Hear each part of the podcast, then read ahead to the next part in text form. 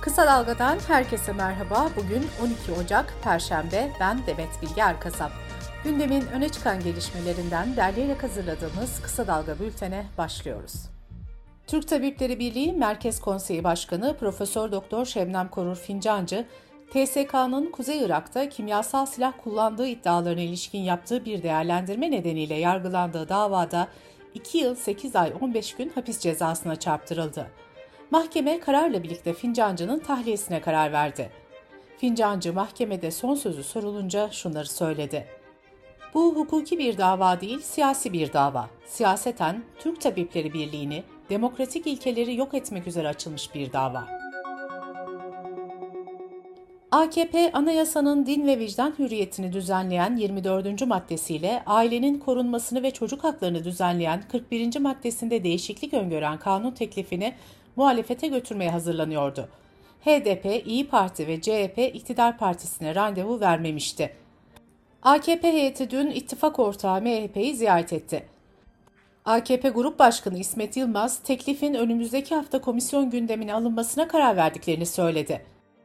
Anayasa değişiklik teklifi mecliste 360 ile 400 arasında oy alırsa Cumhurbaşkanı teklifi referanduma götürmek zorunda.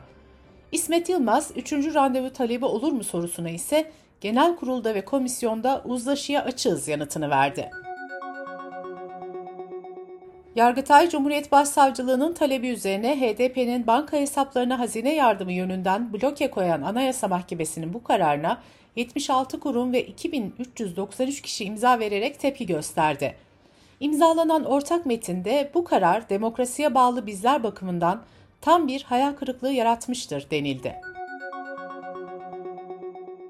İyi Parti'nin grup toplantısında konuşan Meral Akşener, Cumhurbaşkanı Erdoğan'a seslendi. Akşener, önümüzdeki 5 ayda senin seçileceğin bir tarih yok dedi. Hükümetin ekonomi politikalarını da eleştiren Akşener, Hazine ve Maliye Bakanı Nurettin Nebati için de şakacı şirin ifadesini kullandı.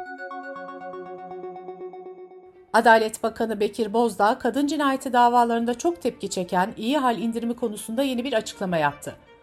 Gerdan kırarak mahkemeyi etkileme dönemini sona erdirdik diyen Bakan Bozdağ, artık kimse rol keserek mahkemeden ceza indirimi alamayacaktır diye konuştu. Lekelenmeme hakkından da söz eden Bakan Bozdağ, yargının daha cesur davranmasını sağlayacak düzenlemeler yapacaklarını belirtti. Lekelenmeme hakkı masumiyet karinesinin bir yansıması olarak kabul ediliyor.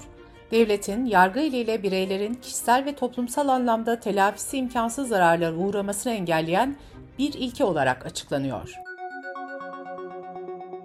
CHP İstanbul İl Başkanı Canan Kaftancıoğlu, Cumhurbaşkanlığı İletişim Başkanı Fahrettin Altun'a hakaret ettiği iddiasıyla yargılandığı davada beraat etti. Kaftancıoğlu, 2020'de İletişim Başkanı Fahrettin Altun'un Üsküdar'daki evinin yanında usule aykırı yapılaşma olduğuna dair kamuoyuna yansıyan iddialarla ilgili açıklama yapmıştı. Kaftancıoğlu'na kamu görevlisine alenen hakaret iddiasıyla dava açılmıştı. Yargıtay, sokakta fotoğrafı çekilen kişinin açtığı davada yerel mahkemenin verdiği sokak kamusal alandır kararını bozdu. Yargıtay, sokakta olmak da özel hayata dahildir, dedi. Kısa Dalga Bülten'de sırada ekonomi haberleri var. Hükümetin seçim öncesi enflasyonu düşürme hedefi nedeniyle birçok zincir market Ocak ayı için fiyat sabitleme kararı almıştı.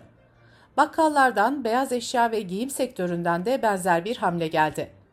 Türkiye Esnaf ve Sanatkarları Konfederasyonu Genel Başkanı Bendevi Palandöken, gıda maddeleri başta olmak üzere tüketim malları ve deterjanda piyasadaki fiyatları dengelemek için 150 üründe indirime gidildiğini söyledi. 2022'de emekli olan memurlar ek gösterge düzenlemesiyle ilave ikramiye alacak. İlave ikramiye tutarı katsayı ve hizmet yılına göre değişecek. 3600 ek gösterge düzenlemesi 15 Ocak'ta yürürlüğe girecek. SGK önümüzdeki hafta başında kimlerin ne tutarda ikramiye alacağını kamuoyuyla paylaşacak. Sermaye Piyasası Kurulu, Borsa İstanbul'da son günlerde yaşanan dalgalanmaların ardından açıklama yaptı. Açıklamada sermaye piyasasının güven, açıklık ve istikrar içinde çalışmasını bozacak nitelikteki eylem ve işlemlerin tespiti halinde sorumlular hakkında ceza yaptırım uygulanacağı belirtildi. Hazine ve Maliye Bakanı Nurettin Nebati, geçen yıl kiracıları rahatlatmak için konutlarda %25 sınırı getirildiğini hatırlatarak bu uygulamanın Temmuz ayında biteceğini söyledi. Yeni yıl sonrası pasaport harçlarına zam geleceğini duyanlar Nüfus İl Müdürlüğü'nde yoğunluk oluşturdu. 2022 yılı fiyatlarıyla harç yatırıp nüfus müdürlüklerinde randevu bulamadıkları için Ocak 2023'e tarih alanlardan harç farkı yatırmaları istenmişti. Yaşanan krizin ardından açıklama yapan İçişleri Bakanı Süleyman Soylu, ücret farkı alınmaması için talimat verildiğini açıkladı. Cep telefonu satışında kredi ve taksit sınırı yeniden belirlendi. Resmi gazetede yayınlanan karara göre 12 bin liranın üzerindeki telefonlar en fazla 3 taksitle alınabilecek. 2023 yılında akaryakıt fiyatlarında ilk değişiklik yapıldı. Dün gece yarısından itibaren geçerli olmak üzere benzine 63 kuruş indirim geldi. Fiyat değişikliğinin ardından benzinin litresi İstanbul'da 18 lira seviyelerine geriledi.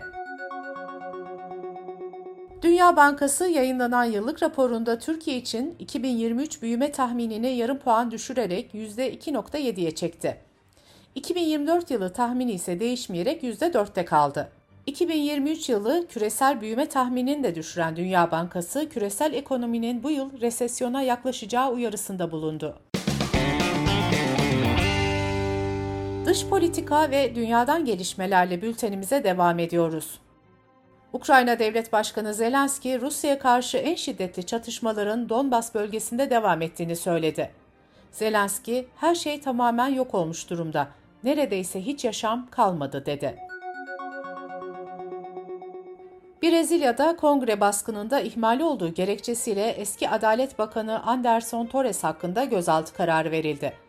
Hakkındaki suçlamaları reddeden Torres'in geçen hafta tatil için ABD'ye gittiği ve ülkeye dönüş tarihinin bilinmediği kaydedildi. Soruşturma kapsamında başkentin emniyet müdürü ve askeri polis müdürü de tutuklandı. Devlet Başkanı Lula baskından sonra yayınladığı açıklamada yapılanları vandallık ve faşistlik olarak nitelendirmişti. Lula, ülkede güvenlikten sorumlu olması gereken kişilerin görevlerini yerine getirmediğini belirtmişti.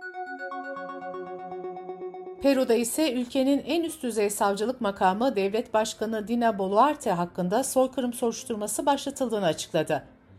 Ülkede Pedro Castillo'nun başkanlık görevinden alınmasının ardından başlayan gösterilerde de ölü sayısı artıyor. Göstericiler Castillo'nun yerine göreve gelen eski başkan yardımcısı Dina Boluarte'nin istifasını ve seçimlere gidilmesini talep ediyor. Fransa'nın başkenti Paris'in merkezindeki tren garlarının birinde bir saldırgan, biri polis olmak üzere 6 kişi yaraladı. Zanlı polisin ateş açması sonucu etkisiz hale getirildi. ABD Başkanı Joe Biden ofisinde gizli belgelerin bulunduğunu öğrendiğinde şaşırdığını söyledi. Belgelerin içeriğini bilmiyorum diyen Biden, avukatlarının belgeleri arşiv dairesine teslim ettiğini belirtti. Joe Biden ve danışmanları gizli belgelerin bulunduğu ofisi 2017 yılı ortalarından 2020 yılına kadar kullanmıştı. New York Times ve CNN ofiste bulunan gizli belgeler arasında Ukrayna, İran ve İngiltere'ye ilişkin konuları kapsayan istihbarat ve briefing materyallerinin bulunduğunu aktardı. Bu arada ABD Temsilciler Meclisi'ni kontrol eden Cumhuriyetçiler, Joe Biden'ın federal hükümeti silahlandırması olarak adlandırdıkları olayla ilgili soruşturma başlatmak için komite kurdu.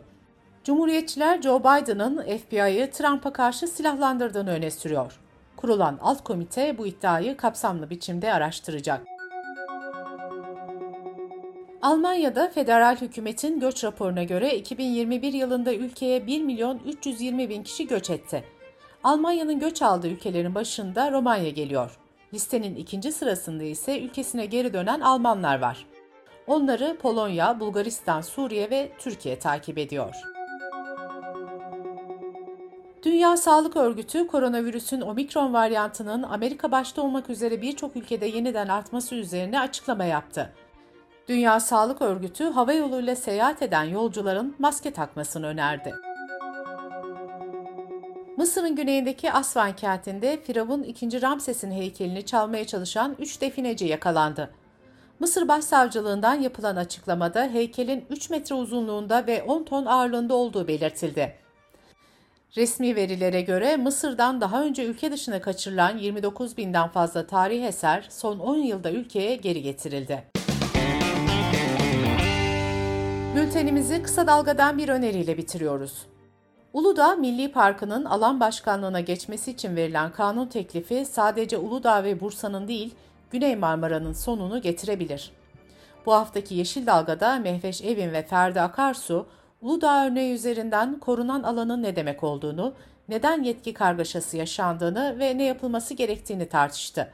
Yeşil Dalga'yı kısa dalga.net adresimizden ve podcast platformlarından dinleyebilirsiniz. Gözünüz kulağınız bizde olsun. Kısa Dalga Medya.